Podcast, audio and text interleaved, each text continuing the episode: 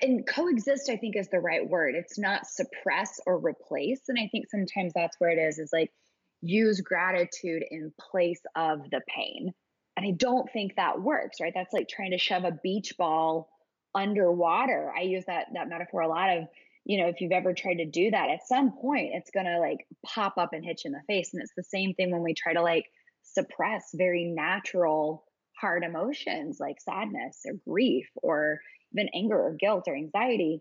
So sometimes we have to feel them, and yet we can still use gratitude as a um, like a life jacket so that we don't drown. Your mind can be your most valuable asset or your biggest liability, and you get to choose. This is the Building Psychological Strength podcast, where we explore ways to build resilience build confidence, and make our minds work in our favor. We draw from the fields of psychology and life design to help us intentionally create a rock solid mindset upon which a vibrant life experience can be built. My name is April Seifert. I'm a psychologist, a life design strategist, and co founder of Peak Mind, the Center for Psychological Strength. Each week, I'll introduce you to an expert a concept, a technique, or a hands on practice that will help you build psychological strength in your own life. These are the tools to help you thrive. Hey, everybody, welcome back to the Building Psychological Strength podcast. My name is April and I'm your host. And today is a very special episode. I'm coming to you on a Friday, which means this is not your typical interview episode. I do have a guest this week, uh, which I'm really excited about. My guest is Ashley Smith. She is my co founder of Peak Mind, the Center for Psychological Strength. And we felt compelled to hop on and do this episode because there's a lot going on in the world right now that is a mirror for uh, some topics that can get very complex and very misconstrued, and also topics that you see out in the personal development space that some people are doing it extremely well, and other people are simplifying these topics to the point that they are no longer useful and are actually deviating completely from what we would see in research as being helpful. So, um, really excited today to dive into, in particular, the topic of gratitude. And we're coming at it from a little bit of a different scenario. So before we get into that, I uh, want to say welcome to Ashley. I'm excited you're here. Thanks, April. I'm excited to be here too. And I think it's uh, definitely interesting topics and very timely topics to get into. Totally. So you and I both, we recently had a conversation just in one of our business mm-hmm. meetings for Peak Mind where both you and I had a very similar experience, albeit with different details. So, how mm-hmm. about mm-hmm. could you give a little overview of what brought the topic of gratitude and the complexity and depth of that topic to mind for you? What spurred it for me was uh, honestly was a series of kind of social or like world events. Um, it was mass shootings basically. So there was one in Kansas City, and then a couple mass shootings that I'm sure people are aware of. So that was kind of um, on the larger stage. And then on my personal stage, some of, of, my people, so like my dad and, and some people that I'm very, very close to, are really struggling with uh, physical and emotional pain. And so I found myself in this position of feeling really overwhelmed and sad at all of the suffering, all of the the hurt that is going on in the world and that people are being affected by.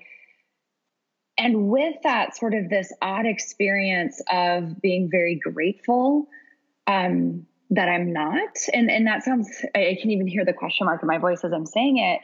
But it, it was this this mix of feeling sad and overwhelmed and angry on behalf of people and grateful for the I guess the, the knowledge and the, and the skill set that I have in terms of just understanding emotions and thoughts and well-being and happiness. And so it was this weird mix of it was definitely there was definitely a gratitude process going on, but it certainly wasn't a happy one. There wasn't contentment. And if anything, it, it sort of spurred this this desire for action um, in a very real, tangible way. Like, what can I do to lessen the burden and to alleviate some suffering from other people? And so that was kind of my experience. And then you were sharing yours, which I'll let you share with your audience too, that kind of led us to this conversation. Yeah, I had a very similar experience, different details, as I mentioned. But as I was putting my kids to bed uh, the other night, this is right after, as the news was breaking about the recent immigration raids. And it's tough because what I experienced when I had kids is that the way that I describe it is that I didn't just become their mom, I feel like I became every kid's mom. So if there's a kid who needs help, I can't not help them. At the playground, you know, at a grocery store, it doesn't matter. I just feel compelled in a way that I never did mm-hmm. before to help immediately. And that's the knee jerk reaction I felt thinking about kids who came home from school to find that their parents weren't there and then, you know, being sent to sleep at their school with not enough resources to handle the emotional load of what that group of kids likely brought with them and just the com- how compelled I felt to want to do something in that moment and then the juxtaposition of me being in this position of privilege where I'm rocking my baby to sleep and putting her to bed, and I'm putting my mm. preschooler to bed. And it was a similar situation. I'm in a very different position than somebody else is. There's so much emotion, mixed emotion, that comes up mm-hmm. within that. And I was excited that you and I both shared this same experience because it's an opportunity for us to talk a little bit about mm-hmm. some of the pillars that hold up this notion of gratitude that don't get talked about in broader literature and mm-hmm. a you know a topic like gratitude that gets cheapened and simplified. In a way that makes it not in reality the way that things work. So this is a mm-hmm. complex episode that we're going to talk through. We're talking through as you can tell from the hesitance in my voice, from the question mark in Ashley's voice, this is not an easy topic. And we're going to do our best to pull in areas from the psych literature that we know hold water to help you wade through some of the complexity that you might be feeling when you're in these positions. And this could be more than just watching the news, right? You could right. be in this position if you heard about a close friend or a family member who's going through a crisis or trauma.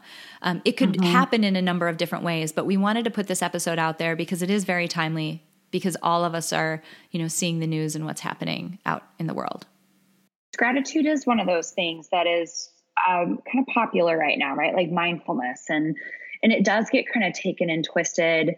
And I think there are a couple of different ways in which that happens and the the first that comes to my mind is this like just be grateful as in like you're not allowed to have any other emotional experiences or if you're um if you're being grateful or practicing gratitude then you'll just be happy all the time. And i think you know both of our experiences recently illustrates that it, it's not that simple and that's akin to telling people like just be positive um, just be grateful. And i think it it can be sort of dismissive and um, actually even harmful because we really need to be more aware and more in touch of of the complexity of our emotional experiences. And, and gratitude can be a part of that in a very i would argue a very adaptive part of it and it's definitely a skill and a, a mental process to be strengthened but to also be realistic that it's not going to make everything like puppy dogs and rainbows either.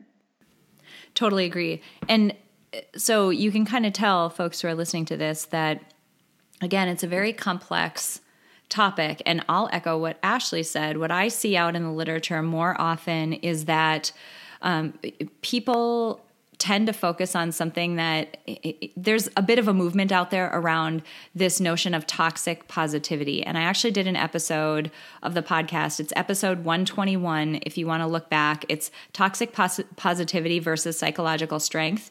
And we talk about the uh-huh. difference between this and what gratitude means in terms of a practice, in terms of something that you do to strengthen your mind and what gratitude means in times when you're going through trauma or when you might be supporting somebody else. And so I would definitely urge you, if you're curious about that piece, to go back and listen to episode 121. I delve For into sure. it quite a bit with that episode. But today, what we wanted to, again, help you do is just piece through and pull apart some of the complex emotions that you might be experiencing. So, what I think might be helpful is if we kind of ground in the area that most of us are familiar with. Gratitude when it comes from a place of positivity, gratitude when it comes from some place where something amazing happened to you. So, Ashley, do you want to give just a quick overview of what that might look like? Yeah, I think that's sort of like acknowledging like the gifts and the and the positive experiences in your life, and that's easier, I think.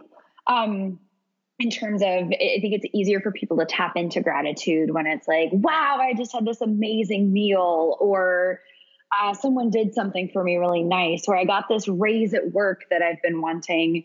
Um, and as i'm saying that my mind is kind of second guessing if i can also think of many many people who when those objectively good things or positive things happen in their life would still have sort of a yeah but um, spin on it. But I think sometimes that's where it, it's easier for people to do and to practice gratitude is when they can point to outward things that are happening that are plus signs in their life. And I think of a lot of the people that I work with when I talk about a gratitude practice who will say things like, well, there's nothing to be grateful for. Um, and I think about that, and this might be kind of sidestepping a little bit, so you can rein me back in. But um, I think a lot of times people struggle with gratitude in the face of hardship and in the face of trauma or stressful things because it can be very, very overwhelming. And so gratitude either ends up becoming this like superficial thing that they'll do. Oh, I'm grateful the sun is shining today, but not really kind of feeling it. Um, or they'll kind of have this like uh, for me, I mean, I speak pretty openly about having a visual impairment, and I wouldn't say that I am grateful for my disability by any means. And I think if I tried to say that, it would fall short because it would be sort of a superficial, false gratitude. If that does that even make sense? That makes a lot. Of, okay. A lot of sense. And okay. what I think is great about having you on this episode and why I was so excited for us to record together is that, you know, for folks who maybe haven't caught an episode that Ashley has been on, Ashley is a licensed clinical psychologist and speaks with people in session and takes patients who are going through some of the most traumatic things, you know, of their lives. And the work that Ashley does is very grounded in research and in data mm-hmm. and in mm-hmm. helping people move through that trauma and finding things that they're genuinely grateful for in times of trauma can help you move through them but you don't where I think it it falls short and where I see people falling short is some and I talked about this in the toxic positivity episode. Mm-hmm. It's can't you just smile? Can't you just be happy? Can't you just and there can be seasons of your life where something traumatic and really really devastatingly difficult is happening that is worth mm-hmm. acknowledging. Those feelings and I think Ashley you would be the first person to say those feelings are not things that you should ignore. And those feelings aren't things that you should push away. At the same time, though, our minds are very, very biased toward only focusing there. And if mm-hmm. we can even slightly, in a genuine way, tip the scale or even push the scale slightly more in the direction of, yes, this is happening. This other thing in my life, though, that I am still very grateful for is there. Yes, I you know, lost a family member and that was devastating. I'm so grateful for my friends as a support mechanism. Those two things can right. coexist. But and coexist, I think, is the right word. It's not suppress or replace. And I think sometimes that's where it is, is like use gratitude in place of the pain. And I don't think that works, right? That's like trying to shove a beach ball underwater. I use that that metaphor a lot of, you know, if you've ever tried to do that, at some point it's gonna like pop up and hit you in the face. And it's the same thing when we try to like suppress very natural hard emotions like sadness or grief or even anger or guilt or anxiety. So sometimes we have to feel them and yet we can still use gratitude as a like a life jacket so that we don't drown. So I love that. I mean, this is really focusing on the complexity of gratitude around how it operates in our lives when we ourselves are going through something traumatic. There's mm-hmm. a whole other discussion to be had. And before I leave that point, mm-hmm. I don't hear as much discussion about that out in, say, mainstream personal development literature. Uh, what I mainly see are really pretty flashy Instagram posts about how we just need to be happy every day. And that just isn't. It just isn't life. That's just not how things work. It isn't, and it's, it's not, not healthy to do it. Goal. No, and actually, oh, that's a whole other conversation about how um, that idea that we should be happy all of the time uh, is actually a dangerous one that that backfires in a lot of ways.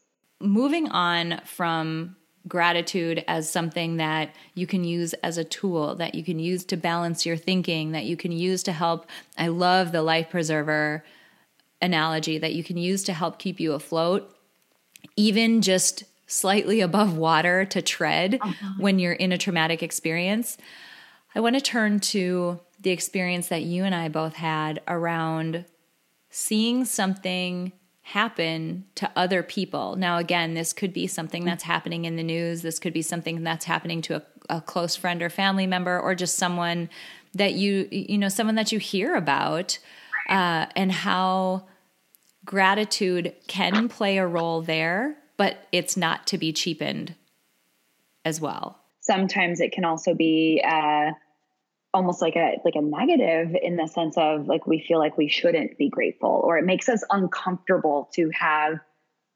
grateful emotions in certain situations. Mm-hmm. Yeah, I'd love to start with the guilt piece because okay. there's some unpacking to do there. Something mm-hmm. that I talk about a lot within life design is this idea of responsibility in your life mm-hmm. being different than fault and guilt. So, amen. And or blame. So, mm-hmm. as I was putting my kids to sleep last night, there's a lot of complex emotion that was being played because there's a million, you know, so many families out there for a variety of reasons, one of which you can see on the news right now, but for a variety of reasons. There are right. parents out there who would do anything to be in the position that I was in where I got to rock my baby to sleep last night. And I sobbed just thinking mm-hmm. about being in that position and how hard it would be for whatever th- reason got you there. Mm-hmm. And it can be easy. So, number one, I looked down at my daughter with so much love and gratitude that I got to hold her that night. Mm-hmm. And that is purely its own thing. It's its own right. separate emotion, or it should be. So, for those of you who are in a position where you're feeling these complex emotions, purely feeling gratitude for being in a good place in your life is an okay thing to acknowledge. Mm-hmm. In addition to that, though, mixed up in that pot of emotions with it is something that can sometimes be misinterpreted as guilt.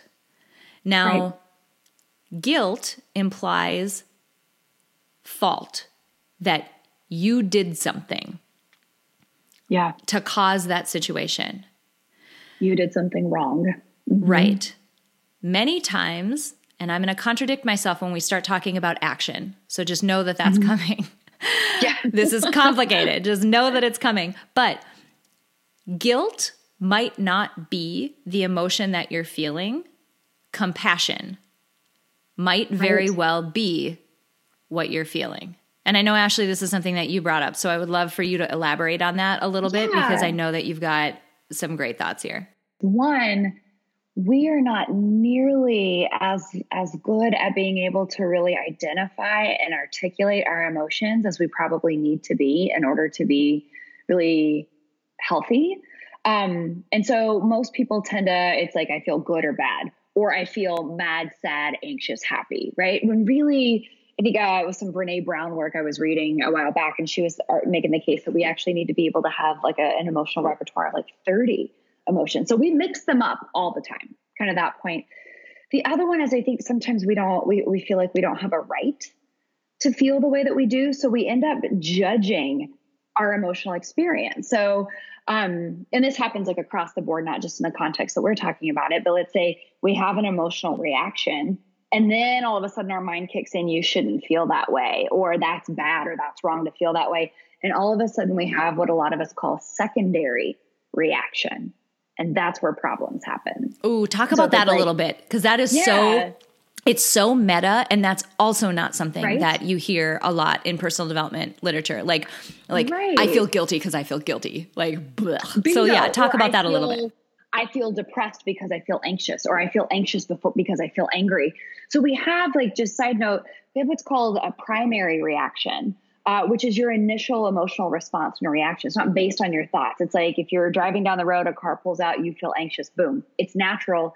That's your emotions doing their evolutionary job, which is to give you important information about a situation and spurn you to action. Case of driving, you hit the brakes, woo, stay alive. But then we have these secondary reactions, or some people call them manufactured emotions. And manufactured meaning they are created and they are created by our thoughts.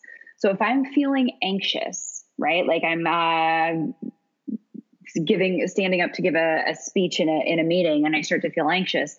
That makes sense. That that's a very natural primary or natural emotion. But then if I start to think, oh my God, I shouldn't feel anxious, everybody's going to see it. This means that I'm unprepared. Um, it's going to fuel it. So I might feel anxious about being anxious. Or if I'm thinking, God, no one else would would feel anxious. What's wrong with me? Then all of a sudden I'm depressed in response to my anxiety. So in this case, as we're talking today, if I feel grateful that I am uh, healthy or happy, and then I start to think, oh my gosh, what, you know, you shouldn't feel that way. What does that say about you? You're narcissistic or you're whatever. Then I'm going to feel guilty because of my gratitude. Um, and so it can be those secondary reactions. We can't necessarily change the primary one nor do we need to. Um, but the secondary one is where we can do a lot of work. And I think that's where getting really clear about what we're what we're actually experiencing and where it's coming from and what it's telling us can be very, very helpful. And then I think, you know, in this in this place too with gratitude and that sort of like compassion and that discomfort, I think of it a lot in the in the example of uh, interacting with a parent who has lost a child uh, or someone who's lost a loved one, like that makes people really uncomfortable. And so, if you have a friend who's lost a child, but you have, you know, a, a, a child, there's this weird feeling of like, I can't talk about my own kid because that mm-hmm. will make mm-hmm. you uncomfortable. And um, honestly, that's not helpful for you or for the grieving parent. Um, but there, it can be this like weird mix of like, well, I'm excited about this, but I shouldn't be or I, I, it's somehow bad for me to share this. And it gets it gets messy. Agreed. Agreed. Mm-hmm. So what I'm hoping you all are getting from this, and again, it's a ton of nuance, and this is why you don't hear it in a lot of the personal development literature and a lot of the psych literature that hits the mainstream because it is very complicated. Though the analogy I tend to give is that with things like this, it's like you have a jar of blue paint, and that blue paint is your gratitude. And then you've got a jar of green paint, and that green paint is this um, guilt that you feel. And then you've got a jar of red paint, and that red paint is maybe anger that you feel about the situation.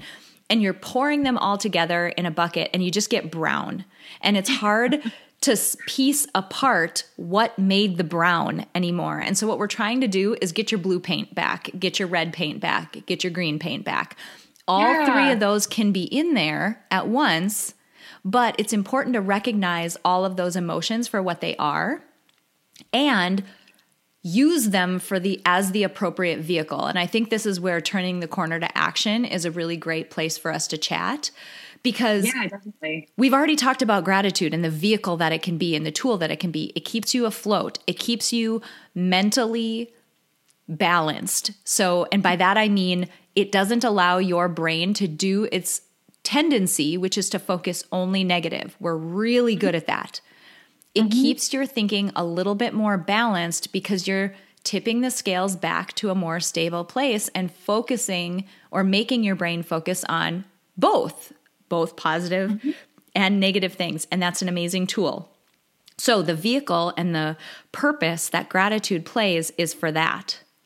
Now, this mm-hmm. compassion side, or what can be mistaken for guilt, this compassion side can also serve a purpose. It can also spur you to action. And this is where, you know, Ashley, you and I had a great conversation about values. If, mm-hmm. depending upon what your personal values are, that compassion or that thing that you might be misinterpreting as guilt may be telling you, I feel this way because there is something that I could be doing that I'm not. And this is where I'm going to contradict myself from before. You you know, mm-hmm. you feel guilty because it's your fault that you're in that position. In my case, I didn't physically take a parent away from a child. However, the compassion that I feel for that kid and those parents being separated from one another is making me realize that there is action I could take that aligns with my values that would help that situation, and I'm not doing it yet. So, to some extent, Mm-hmm. In that case, there is something, there's responsibility that's on my plate that I should be doing that I would label as guilt. I feel guilty that I haven't done this yet. Great. Let it spur you to action. That compassion that you feel, be there for that person. Maybe it's the parent who lost a kid. Maybe, you know, it's a family member who got diagnosed with something. Be there and hold space for them. But know that those emotions are their own jar of paint that are separate from the gratitude that is its own valid thing that you can feel. Mm-hmm. Wow, that was a soapbox. well, and and I'm actually going to piggyback on it just a bit with um. Well, one, I think what you're really getting at um, when you were talking about the guilt is teasing apart: is this a primary or secondary reaction? Another way to think about it is we have emotions all the time, and some of them are helpful. If we let them determine our actions, they will move us in the direction that we need to go. That's the whole point of, of emotion is it motivates us for action, like emotion. Um, but they can also take us in really unhelpful directions as well. So in this case, if you've kind of teased it apart and realizing like I'm not living in accordance with my values or I'm not taking the actions to enact my values that I want to, in that case, it's actually pretty helpful. But I want to spin it a little bit and instead of guilt, talk about anger. Because what I see a lot mm. is that people are spending a ton of time in an angry state. And, and that's unavoidable. Like anger is a part of life. It is a very powerful emotion, and its message is something is wrong. I don't like what someone is doing. Okay, it can be very, very helpful. But I think what can happen is people spend a lot of time uh, kind of in an unproductive angry state. So it's okay to be, I am grateful about my personal experience and situation and angry on behalf of someone else's. And I'm going to use that anger to fuel some action. Where it gets unhelpful though is when you just stew in it and chew on it and then you're just angry, but you're not doing anything that's actually helpful for you or for other people if that makes sense. And that's what I see a lot of mm. these days. And that's where maybe more actively tapping into gratitude could help. I think compassion is the antidote to mm. anger. Well, and what so I really hear, being, mm-hmm. what I hear you saying too is if you're in that state where you're feeling so angry, action might be the thing that helps you get out of it. Action mm-hmm. in the direction of, and this starts to get into some life design pieces mm-hmm. too, where knowing what you value, knowing what that emotion is that you're feeling, if it is anger, figuring out how you can take action in a way that's aligned to your values that Bingo. helps you alleviate the thing or feel like you're making a difference in the thing that's making you angry can help you feel like you've done your responsibility and help you move out of that constant angry feeling that it is just going to eat you alive if you're carrying it around. Mm-hmm. Mm-hmm. But you, the reason I said bingo is because it has to be moving. The actions have to go in the direction of your values. And I don't know anybody whose value is, uh, I value being a jerk, or I value making the world a worse place, or I value being mean to be. There are people who do that, but that's not truly a value, right? Like a value is going to be something that lights you up. Um, and and so I think though a lot of times what happens is people will let emotions take over, and then the actions that are fueled by those emotions actually take them further away from their values. Mm. Like, uh, I'm angry, so I'm going to punch someone okay, but violence is not typically of value. Now, right? not, now, so not only am I angry at that person, but now I feel guilty at the response that I have, and I feel like garbage yes. because I'm guilty at the, the, response that I had because I was angry. Like, talk about Bingo. a complex chain of nastiness. Yes. Yes. Yeah. This yeah. it's right. It is such a complex um combo that we can experience at any given time of emotions. And it gets very difficult. I've said this a couple of times, but it gets very difficult to sort them out. And I hope mm. folks listening to this, what you're hearing is just some techniques and ways and self talk that you can use to help yourself tease apart what you might be feeling. And maybe that's the direction that we need to go as we as we kind of wrap this episode up is mm-hmm. if you're feeling like that some tips that we maybe each of us can give a couple of tips about how you can start to tease apart what you might be feeling and then what you can start to do that is productive as a, a movement you know that's being catalyzed by those mm-hmm. emotions that you're experiencing mm-hmm. so right off the bat three tips that come to mind terms of self-talk uh, or just emotion identification is to get precise with it, not I feel bad or I feel good. Those aren't feelings. How do I actually feel? And and side note, a feeling is going to be one word. So if it's I feel like something is wrong, nope. That's actually a thought. I think something is wrong. Ooh, that's really good. Anxious. That's right? so yeah. good people mix that up all the time. Thoughts are going to be, and thoughts and feelings are tied together, right? So, especially in those manufactured emotions, those are driven by the thoughts. But I feel blank is one word. So, I would encourage people to try to get precise in identifying their emotion. And so, the second one, I think that language really does matter. And so, as you're identifying the emotion, I would do it in the way of I feel blank or I am noticing the feeling of blank instead of I am. So I feel angry. I'm noticing the feeling of anxiety instead of I am sad. And that's because it gives you just a little bit of psychological distance between you and your internal experiences. And that's going to allow you, if you can kind of build that difference, it's what we call diffusion. And it's going to let you then be able to choose valued actions instead of just reacting. You get to choose your response instead of just reacting.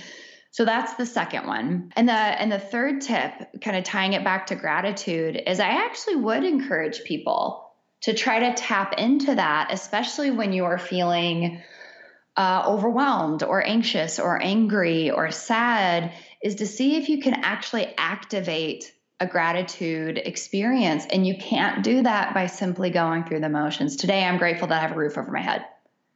Okay, I mean, I am thankful for that, but to actually kind of tap into it and see because gratitude is one of those, it won't work if you're just going through the motions. Kind of like buying a gym membership isn't going to get you fit unless you're actually going and putting in the effort and doing the work. It's the same thing with gratitude. So those would probably be my three quick tips for today. I love those. What the the last couple bits that I would add is along more of a life design path. And this mm-hmm. is around that uh, taking intentioned action. So if you're feeling those feelings of anger or guilt or whatever it is, like you're feeling those feelings that are are leading you to want to take action, figure out which pieces of it you actually can be responsible for and which pieces you can't and mm. act on the ones that you can be responsible for because stewing in a place that you don't have any responsibility for there's nothing you can do there and you're not going to be able to move past that emotion that action it, it, you're going to sit in inaction because there's nothing you can do. So figure mm-hmm. out the direction that you can take that you actually can be responsible for. And then the second thing I would say goes back to something we said before, but figure out what action you can take that aligns with your top values. Maybe you value family, you might value community, you might value knowledge, you might value, it doesn't matter figure out what you can do that aligns to those values because that is going to feel so much more impactful to you than mm. Just rushing out there and just doing something, anything. It's going to feel so much better to you and probably make a much better or a much bigger impact on whatever it is you're trying to uh, trying to help. If right. you're doing it from a place that is so catalyzed and so energized because it just hits on the core of who you are. Mm-hmm. Absolutely. Side note that being able to do that is actually associated with a lot of uh, psychological health and well being outcomes.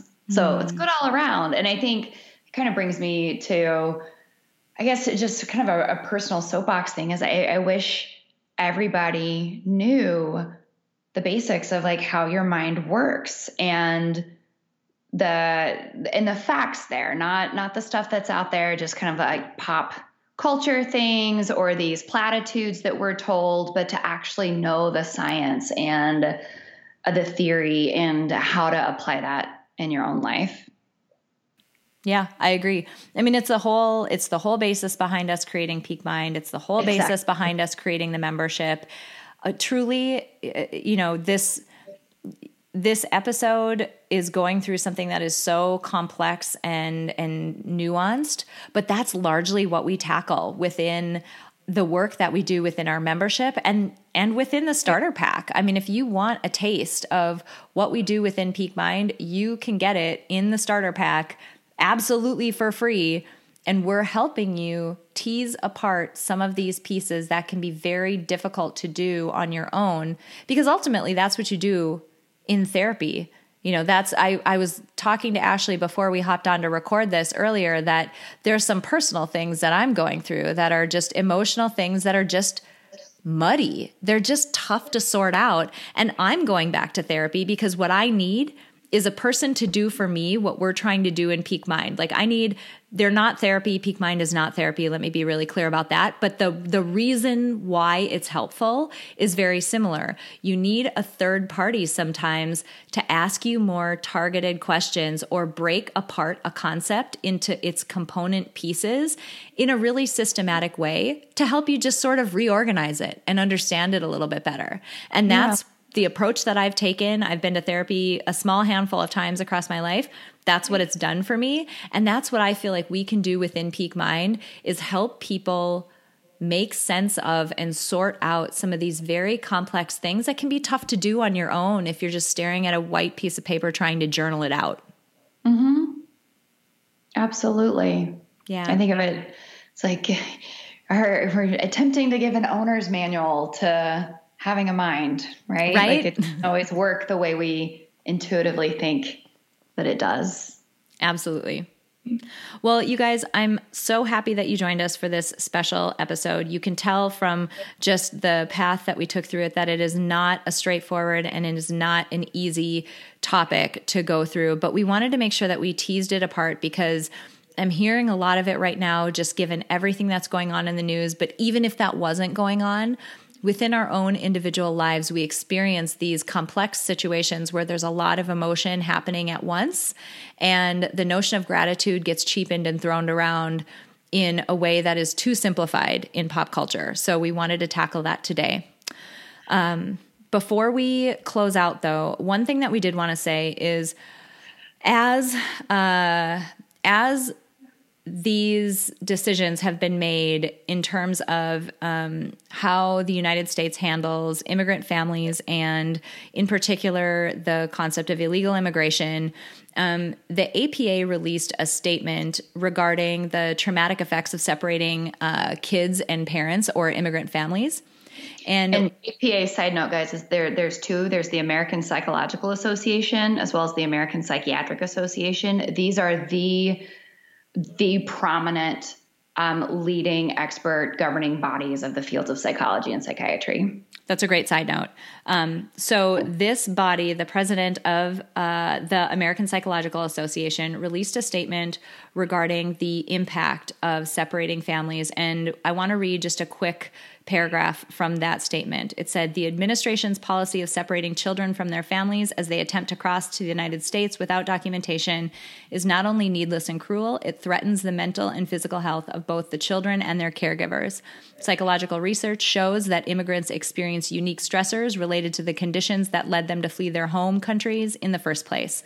The longer that children and parents are separated, the greater the reported symptoms of anxiety and depression for the children, negative outcomes for children, including psychological distress, academic difficulties, and disruptions in their development. What we wanted to make very clear is at Peak Mind, our goal is to bring you content and techniques and information that is evidence based and sound, that is based that is backed by research and backed by many of the people who make up these governing bodies. And we wanted to note in this very special episode where we're talking about so many of these things, including uh, this. Um, the the things that we're hearing on the news about families being separated from one another that uh, officially Peak Mind stands side by side with the APA um, against these um, decisions to separate immigrant families from one another. We can do better with this very complex topic than just causing irreparable traumatic harm to kids. There are better ways that we can uh, come up with to handle a very complex topic. Mm-hmm. Absolutely. All right, everybody. Thank you so much for joining us for this episode. I hope this was helpful in thinking through how you can start to tease apart some of those complex times when you're experiencing a lot of emotion all at once. Um, as always, uh, shoot us a rating or a review or drop us a line on our website. We'd love to hear from you if uh, you have thoughts or um, if this episode was helpful. We'd love to hear how that might be. Thank you so much for joining us. It's a simple fact that nearly everyone in the world could benefit from building psychological strength. But not everyone will put in the time and effort to do so. But today you did. Thank you so much for listening to this episode of Building Psychological Strength. Now, if you're interested in building the mental toughness, confidence, and resilience you need to thrive through life's ups and downs, visit us at www.peakmindpsychology.com. Also, if there's someone in your life who could benefit from this episode, please share it with them. And if you yourself found this episode valuable, meaning if you took away even one insight that you can use to build psychological strength in your own life, we would so appreciate it if you would drop us a rating and a review on iTunes.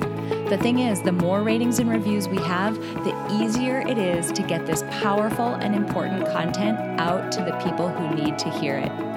Remember, your mind can be your most valuable asset or your biggest liability, and you get to choose. So choose wisely, my friend. And I'll see you next time on Building Psychological Strength.